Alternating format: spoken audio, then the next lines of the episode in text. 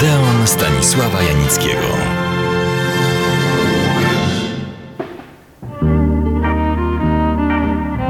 Już dawno temu opowiadałem Państwu o równie dobrym, co aktualnie interesującym filmie amerykańskim Pan Smith jedzie do Waszyngtonu z roku 1939. Owego pana albo mistera Smitha gra James Stewart, jeden z najważniejszych i najlepszych aktorów starej hollywoodzkiej gwardii.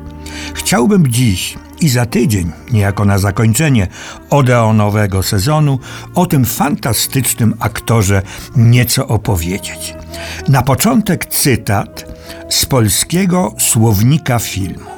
Co czytamy tam o Jamesie Stewarcie? Oto co. Amerykański aktor, no to oczywiste, debiutował w 1935 roku. Wysoki i przystojny o pięknym, miękkim głosie, szybko podbił serca widzów i stał się jedną z największych gwiazd Hollywoodu. Pracował z wieloma reżyserami, lecz największe sukcesy odnosił w filmach Franka Capry, wspomniany pan Smith, który jedzie do Waszyngtonu, Alfreda Hitchcocka, Antoni Mana, George'a Cukora, Davida Davisa, Cecil DeMilla, Otto Premingera, Johna Forda, no tak na dobrą sprawę prawie wszystkich reżyserów amerykańskich dobrych wymieniłem. Do filmów tej czołówki amerykańskich reżyserów wrócę. Jeszcze tylko bardzo trafna charakterystyka bohaterów, których James Stewart grał.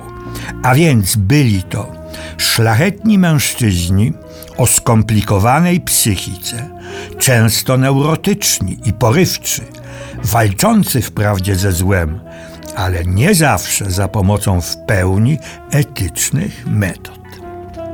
A jak się zaczęła jego kariera? Jak narodził i ujawnił jego wielki talent? Zacznę od początku, po Bożemu. Urodził się 20 maja 1908 roku w mieście Indiana w stanie Pensylwania. Od najmłodszych lat był magikiem amatorem i akordeonistą. Był też skautem i zadebiutował na scenie w sztuce o harcerzach.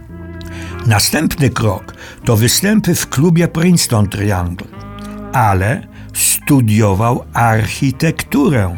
Dyplom otrzymał w 1932 roku. Za namową Jesły Logana, reżysera i dramatopisarza, bardzo ciekawa postać, dołączył do grupy teatralnej. Tu poznał innych wkrótce znakomitych aktorów, przede wszystkim Henry Fondę, z którym się zaprzyjaźnił. Przez pewien czas mieszkali nawet w jednym pokoju. Razem pojawili się też na Broadwayu. Zawdzięczali to żonie Fondy, świetnej aktorce Margaret Sullivan. Robiła oszałamiającą karierę. O przyjaciołach nie zapominała jednak.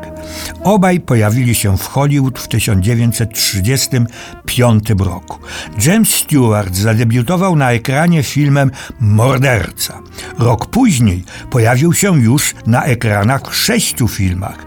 Ich tytuły nic nam nie powiedzą, nie były to bowiem arcydzieła. Następnym razem połączy nas miłość, żona przeciwko sekretarce, dziewczyna z małego miasta, urodzona do tańca itd.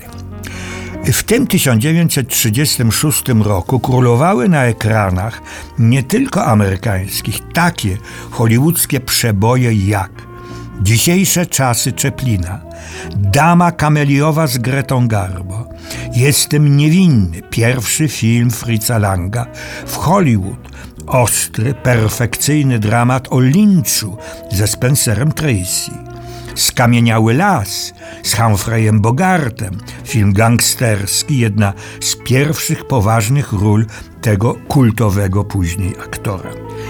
Zatoczyłem wielkie koło, ale w końcu dotarłem do naszego bohatera, Jamesa Stewarta. Jeszcze nie bezpośrednio, ale już blisko. Reżyserem, który pierwszy poznał się na talencie młodego aktora i który dał mu szansę zaistnienia na firmamencie hollywoodzkim, był Frank Capra. Dlaczego? Bo zobaczył w Stewarcie aktora, który potrafiłby wcielić w życie, czyli stworzyć na ekranie postać bohatera, o jakim marzył. Biegli w piśmie tak go, zgodnie z intencjami reżysera, nazwali. Idealista, działający na rzecz społeczności, w której żyje i z którą jest emocjonalnie związany. Pierwszym filmem, w jakim taki bohater, jako prototyp późniejszych wersji nas już szczególnie interesujących, było amerykańskie szaleństwo z 1932 roku. Za tym ciosem poszły następne. Arystokracja podziemi, za którą Frank Capra otrzymał Oscara, a przede wszystkim wzorcowa komedia Ich noce której głównymi bohaterami są zbuntowana córka milionera, która uciekła z domu, bo nie chce wyjść za mąż za cieszącego się uznaniem ojca playboya oraz bezrobotnego, nieco cynicznego dziennikarza. Ale co równie ważne, wokół nich są prawdziwi ludzie pokryzysowych lat, zwykli, borykający się z codziennymi problemami, ale życzliwi, i już przepełnieni optymizmem.